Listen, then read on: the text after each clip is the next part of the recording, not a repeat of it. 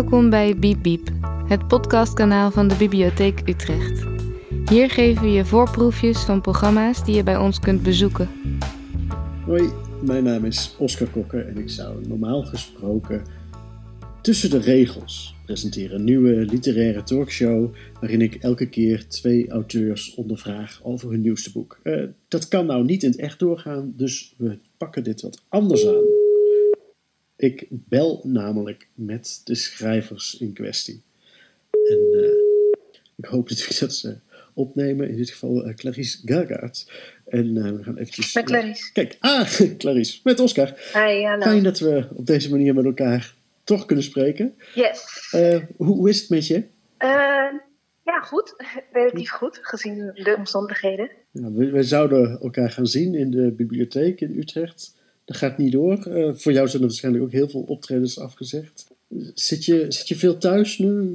Verveel je je? Um, ja, ik zit sowieso veel thuis. zat er dik in? Ja, um, ja, inderdaad ook al veel opdrachten kwijt. Aan het begin was het wel echt een beetje um, een shock voor me. Dat hmm. alles ineens zo wegviel. Ik denk voor iedereen, omdat het zo onverwacht is, was. Maar ik heb, en wij hebben natuurlijk het voordeel dat we gewoon überhaupt thuis kunnen werken. Met uh, schrijven in ieder geval. Um, dus dat scheelt. En dat ik gewoon wel um, um, kan pitchen bij verschillende media en andere opdrachtgevers. En ik merk nu ook wel dat er een soort van ja, switch plaatsvindt. Waarbij iedereen een beetje probeert. ja, er zich een nieuwe werkelijkheid vormt. Digitaal en, en, en, online. Dat ja, dat, dat, dat werkt ook wel. En daardoor kan ik bijvoorbeeld online panels doen en dat soort dingen. Ja. Dus dat is zich een beetje langzaam aan het ontwikkelen. Ja. Maar, maar word je niet helemaal gestoord dat alles maar op schermpjes moet de hele tijd? Ja, ja, ik vind het wel intens om dan de hele tijd zo met het scherm bezig te zijn. Dus ik probeer dat ook wel een beetje in te delen. Dat het niet, ja, dat ik niet de hele tijd alleen maar in, in mijn telefoon zit of op mijn laptop. Maar ja, dat gaat nu heel moeilijk. Ja, ja. Nee, ik dacht dan wel, om het leed een klein beetje te verzachten, laten we dit dan niet via weer zo'n vervelend schermpje doen. Uh, gewoon aan de telefoon. Ja. Uh, we doen het interview op deze manier. Ja, ik vond het wel een fijn voorstel. Gelukkig. Ja. um, we zouden het in die talkshow met elkaar gaan hebben over uh, jouw boek Drakendochter. Uh, maar dat kan eigenlijk niet zonder het daarbij ook te hebben over de documentaire die je maakte samen met uh, regisseuse Shamira Rafaela, uh, getiteld Daddy and the Warlord. -huh. Um, in beide werken gebruik je als basis de zoektocht die jij deed naar de rol die jouw vader speelde tijdens het regime van Charles Taylor, de Liberiaanse ja. dictator. en zowel die documentaire als het boek, dat, eigenlijk, ik lees dat als een genadeloos zelfonderzoek. Ik zie dat als een genadeloos zelfonderzoek. Uh, en je duikt echt in de geschiedenis van Liberia, maar ook in de verzwegen geschiedenis en, en de pijn van je eigen familie. Nu citeer je in het boek uh, Steffi Wagner. Ja. En die, die zegt: pijn reist door families totdat iemand er klaar voor is om hem te voelen. Ja. Clarice, was jij degene in de familie die daar klaar voor was om die pijn te voelen? Blijkbaar. ik denk niet dat je er ooit helemaal klaar voor kunt zijn. Je kunt niet anticiperen op het gevolg ervan. Uh, uh, het feit dat je allerlei uh, ja, lades opentrekt die, die en deuren die normaaliter gesloten zijn. Um, maar ik denk dat ik blijkbaar degene was die bereid was dat te doen dingen opentrekken en bespreken. En dat ben ik vaak in mijn leven, in mijn familie, in, ja, in mijn werk. Dus, mm-hmm. um, ja, dus ook bij, uh, bij, uh, ja, bij mijn familie. En wat wist je eigenlijk van die familiegeschiedenis uh, voordat je begon te onderzoeken? Um, ja, niet veel. Daarom wilde ik dat onderzoek ook doen, omdat ik denk dat het heel belangrijk is om te weten ja, klinkt ook cliché, maar waar je vandaan komt, dat is gewoon zo. Uh, om een beetje context te hebben bij hoe je um, uh, jouw ontstaansgeschiedenis, hoe je op de wereld terecht bent gekomen. En, um, dus ik wist um, ja, niet zoveel wel gewoon dat we in Liberia woonden en in de Verenigde Staten en uh, wat mijn vader een beetje deed en dat het een oorlog was, toen moesten we vluchten. maar ik, ik, ik, ik ontving altijd ja, een beetje flarden van informatie door de jaren heen, mhm. die, ja, die ik niet echt in de context kon plaatsen. Uh, dus daarom besloot ik ook om daar zelf naar op zoek te gaan. Ja, maar wat voor flarden waren dat dan precies? Um, ja, dus het werk dat mijn vader deed, dat, uh, um, dat hij directeur was van een tele telecommunicatiebedrijf. Um, dat hij voor de overheid werkte, of samen met de overheid in ieder geval. En ja, dat hij geliefd was, dat, uh, dat hij veel voor de gemeenschap deed, voor de samenleving. En um, ik wist ook dat hij het belangrijk vond om zich daarvoor in te zetten. Dat hij zijn leven niet alleen zag als dat het hem en zijn familie zou moeten dienen, maar ook um, ja, de samenleving. je schrijft ook dat je hem echt kende als een idealist. Ja, ja dat, dat, dat, en dat, dat is hij ook wel nog steeds. Iemand die het belangrijk vindt dat je niet alleen maar uh, uh, bezig bent met hoe je het zelf redt, maar uh, dat je in, je inzet voor de gemeenschap en voor anderen. Maar daar begon dus ook jouw zoektocht, hè? dat je je afvroeg hoe het toch in hemelsnaam mogelijk is dat een man die in jouw ogen voor het goede staat, zich kan inlaten met iemand die zo voor het slechte staat. Ja. Een dictator zoals Charles Taylor. Ja, klopt. Ik wilde, uh, ja, ik vroeg het me gewoon af. Ik had een volledig beeld, omdat ik het vreemd vond, om die, omdat ik die dingen niet echt kon rijmen. Omdat ik dacht, hij ja, is zo idealistisch en ik, ik ken hem ook zo, maar dan werkt hij voor zo'n man. En hoe werkt dat dan? En ik denk dat dat voor mij hier, ik ben hier in Nederland opgegroeid ook. En, um, en voor een deel in de Verenigde Staten, dat dat heel moeilijk te begrijpen is hoe dat werkt. Dus en het is voor mij natuurlijk heel persoonlijk, want ik stond daar zo ver vanaf en het is mijn vader. Dus mhm. ik wilde dat gewoon weten en ik um, ja, ging er dus naar op zoek. Ja. ja. alleen die zoektocht die werd natuurlijk wel flink lastig gemaakt doordat jouw familie schijnt te lijden. Jij schrijft dat uh, aan zwijgisme. En dat is dan een aandoening die ervoor zorgt dat mensen niet openlijk praten ja. over, ja, over wat hen dwars zit, over de pijn uit het verleden. waarom doe jij dat wel? Geen idee. Nee, ik weet het niet. Ik denk. Waarom moet je erom lachen? Omdat ik, ik, weet, ik, weet, ik weet het niet. Het is vragen naar uh, ja, hoe, hoe zit je in elkaar. Ik denk niet dat je dat nooit echt van jezelf kunt, kunt zeggen. Je weet, al, je weet alleen wat je voelt. En um, wat ik voel is dat ik de noodzaak heb um, om um, dingen te begrijpen, om dingen mm. uit te zoeken. Om, en om daar vocaal over te zijn. Ja. Nee, goed, ik begrijp je. Je kan niet uh, dat over jezelf zeggen. Je, je bent alleen maar jezelf en je bent nooit iemand anders geweest om het mee te vergelijken. Maar ja. um, snap je wel waarom anderen, bijvoorbeeld jouw familie, niet zo in elkaar zit? Snap je dat wel? Ja, ik snap waarom zij dat niet hebben. Ik denk omdat zij er dichter op staan dan, dan ik. Uh, ik denk dat omdat ik mm -hmm. uh, op afstand was, en dat is ook denk ik het voordeel daarvan, dat je dan, als je diaspora bent sowieso, dat je dan iemand wordt die eigenlijk van binnenuit komt, um, maar dan naar buiten toe reist en dan vanuit buiten weer terug naar binnen kijkt. En dan heb je gewoon een ander perspectief dan de mensen die uh, alleen daar zijn gebleven. Dan heb je ook andere ervaringen die ervoor zorgen dat je anders um, kijkt en, ander, en uh, andere, ja, anders denkt, denk ik. Um, dus ik denk dat, dat dat er ook voor gezorgd heeft dat ik dat, dat dat ik dat kon doen en dat, zij dat niet deden. Omdat zij ook, vele van hen hebben bijvoorbeeld de oorlog meegemaakt, heel bewust. Um, dus die zaten in een, een, bepaalde vorm van vanzelfsprekendheid. Dit is hoe het is, dit is, uh, het was oorlog, um, dit is vanzelfsprekend, dit is, dat, zo gaat dat. Um, wat volkomen logisch en begrijpelijk is natuurlijk. En ik denk dat ik dan de luxe heb om van buitenaf te zeggen, maar hoe gaat dat dan? En wat betekent dat dan? Ja. Kan je, kan je eens omschrijven wat je hebt geleerd, wat je hebt ontdekt, wat je niet zou hebben geleerd als je dit onderzoek niet had gedaan? Uh, nou, veel denk ik. Ik denk um, dat het me ook heeft doen beseffen. Weet je, ergens weet je wel dat je natuurlijk een product bent van de samenleving waar je in leeft. Hm. Maar omdat, ja, ik denk dat door de zoektocht dat ik dat heel erg ben gaan voelen. Dat, um, dat, ik, dat ik gewoon Weet je, want ik, ik deed die zoektocht niet om te oordelen. En uiteindelijk is dat ook niet wat ik doe, vind ik zelf. Dat, ik, um, dat het een veroordelend, uh, veroordelend onderzoek is. Wat, wat je vaak wel ziet bij dit soort dingen. Ik, ik wil juist begrijpen. En ik denk dat ik het beter ben gaan begrijpen. Dat, um, dat wat mensen doen om te overleven. Ik denk dat dat in de Tweede Wereldoorlog waarschijnlijk ook zo, zo was voor, voor veel mensen die misschien niet um, directe nazi's waren, maar um, ja, die, als je midden in zo'n um, zo'n oorlog zit, ja, ben je bezig met overleven, maar weet je vaak ook niet uh, wat voor gevolgen je keuzes zullen hebben. En uh, besef je dat pas achteraf.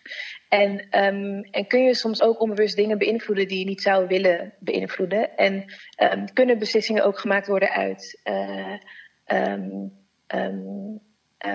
uit goede bedoelingen. Maar ook uit het idee om jouw positie te behouden.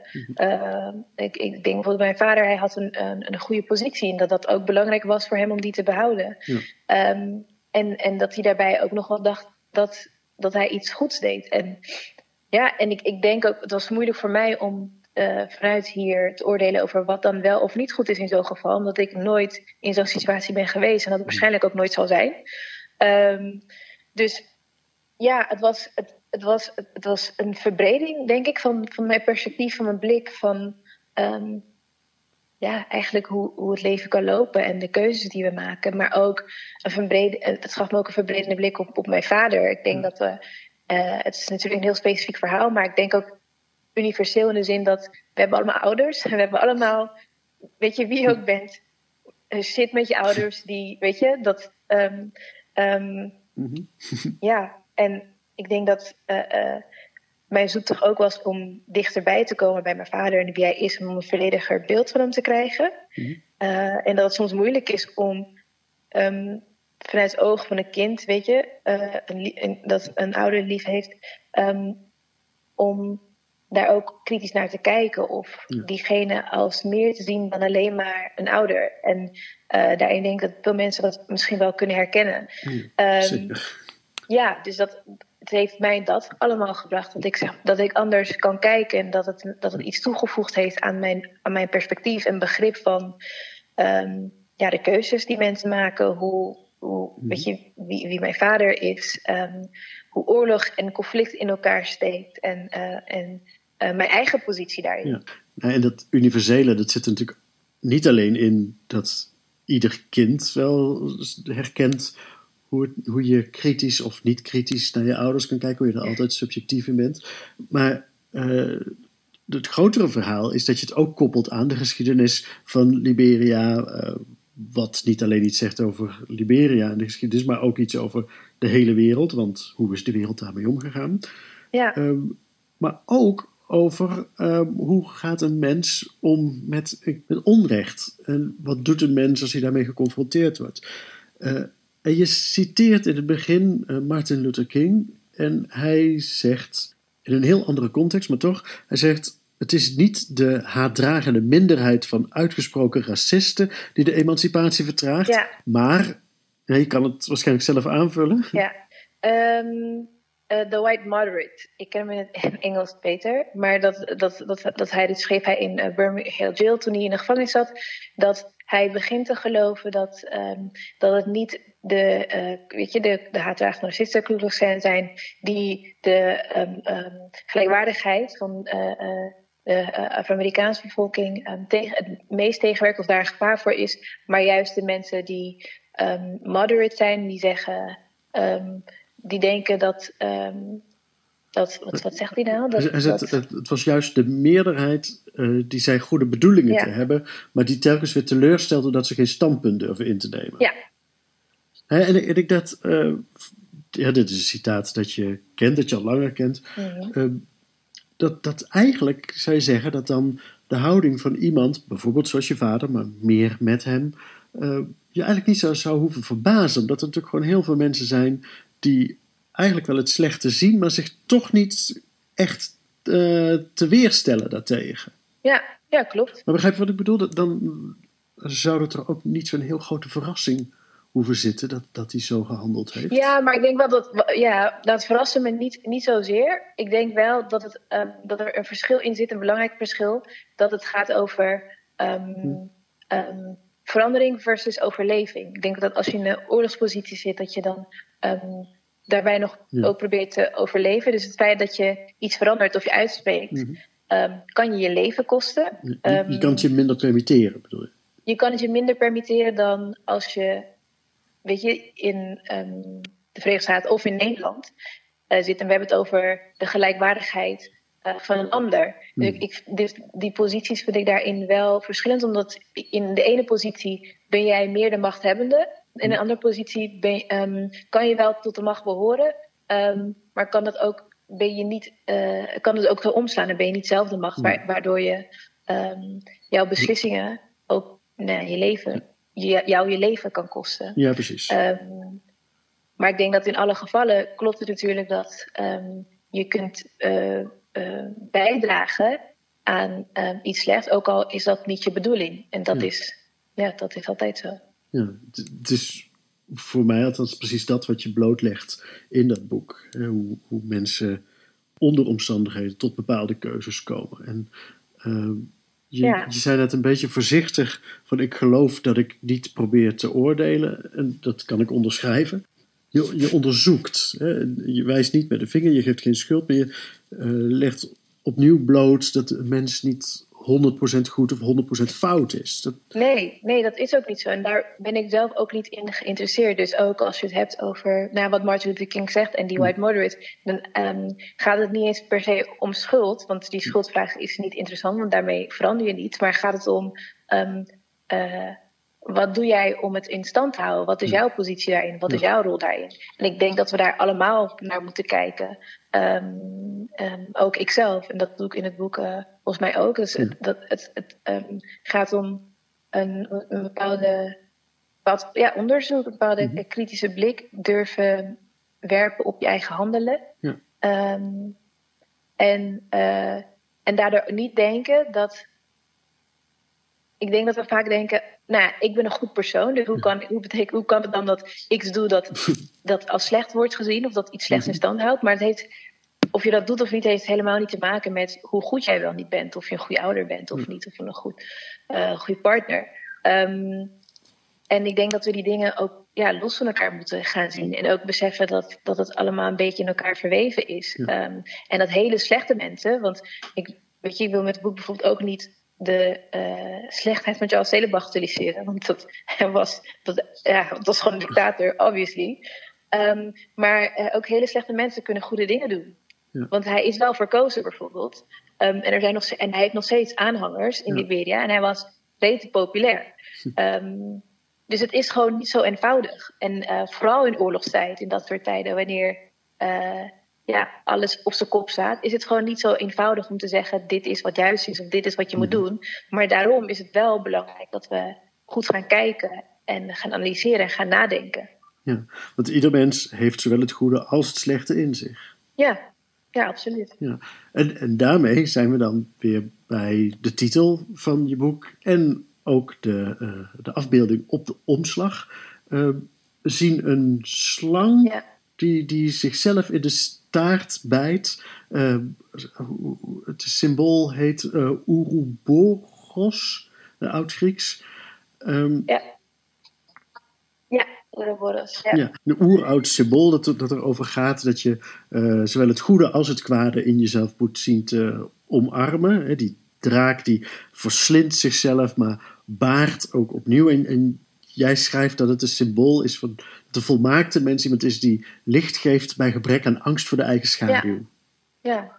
dat je een, een volledig mens bent, denk ik. Dat een, menselijk, een menselijke fout maakt. En ja, dat hoort bij het leven. Ook erkennen, uh, erkenning van het leven. Anders ontken je een, een, heel groot deel van het leven van wie jij bent, denk ik. Ja, ja en die ontkenning van jezelf, dat komt ook heel erg mooi aan bod. Je beschrijft uh, de, de angst om jezelf te zijn, door jezelf telkens te moeten verstoppen.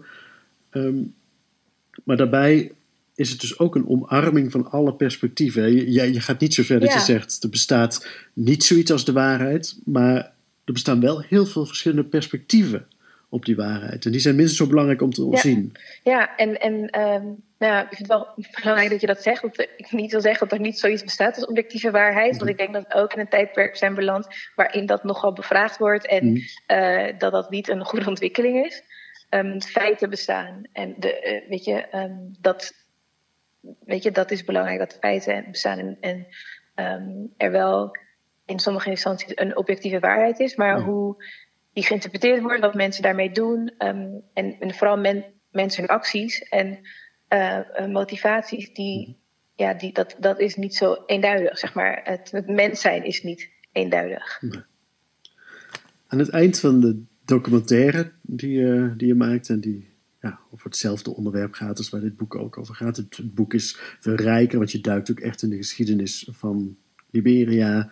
Uh, je vertelt veel meer over de wereld van nu. Maar die documentaire, die eindigt dat de regisseur Samira Rafaela aan jou vraagt: heb je nog steeds de drang om de waarheid te kennen, om echt te weten te komen wie je vader was?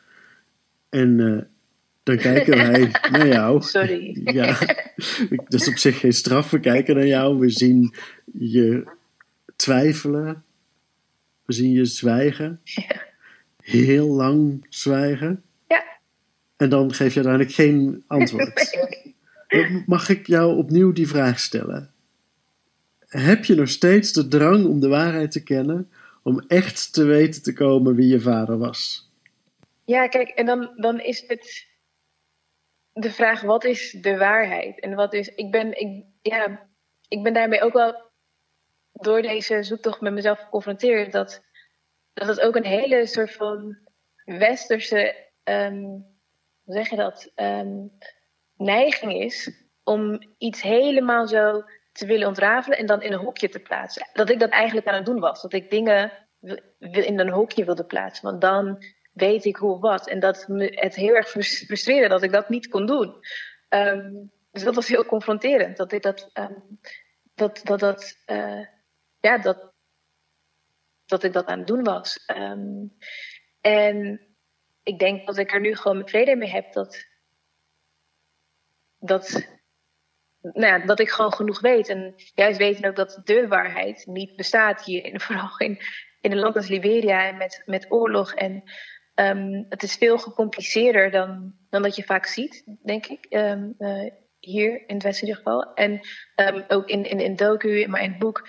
Uh, iedereen die ik spreek, heeft gewoon een ander perspectief. Iedereen zegt het net iets anders. of, of heeft het net iets anders beleefd. Waardoor ik niet kan zeggen: Oké, nou, nu weet ik hoe het precies zit. En ik denk ook dat juist omdat ik niet weet hoe het precies zit, dat ik het juist beter begrijp. Omdat dat het duidelijker is dat, uh, uh, dat het um, veel gelaagder is dan, dan, ja, dan dat ik aanvankelijk dacht. En om exact alle soort van gebeurtenissen en feiten boven tafel te halen, dat gaat gewoon niet lukken. Dus daar daar heb ik ook vrede mee. En ik denk dat de voornaamste vraag is dan aan mezelf: waarom zou ik dat nu nog willen weten dan? Wat, wat, zou, wat zou dat nu nog uitmaken? En als, als ik erover nadenk, is het nou ja, niet zoveel. Ik wil je heel erg bedanken. Uh, bedanken voor een mooi boek en uh, een mooie documentaire. Ik wil je bedanken voor dit gesprek. En ik hoop dat we elkaar uh, snel dan weer na deze crisis in het echt mogen ontmoeten.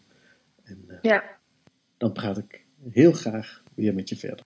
Ik hoop het. En het is misschien een beetje vreemd om het nu hierover te hebben. Zo voelt het wel voor mij, om het over mezelf te hebben terwijl we in zo'n crisis zitten. Maar ik denk dat zo'n crisis misschien juist ook de nodige tijd biedt om aan zelfreflectie te doen. Um, uh, omdat we moeten bedenken hoe we hier weer uit willen gaan komen als individuen en als samenleving. Dus. Ja, ja. Nou ja, met die uh, zelfreflectie zit het wel stor. Uh, ik kom mezelf de hele tijd per ongeluk tegen. Ja. Uh, dat gaat waarschijnlijk nog wel eventjes duren. Ja, je komt het wel per ongeluk tegen in isolatie, zeker. En ik heb het geluk dat ik dat al gedaan heb. Dus het valt wel best wel mee voor mij nu.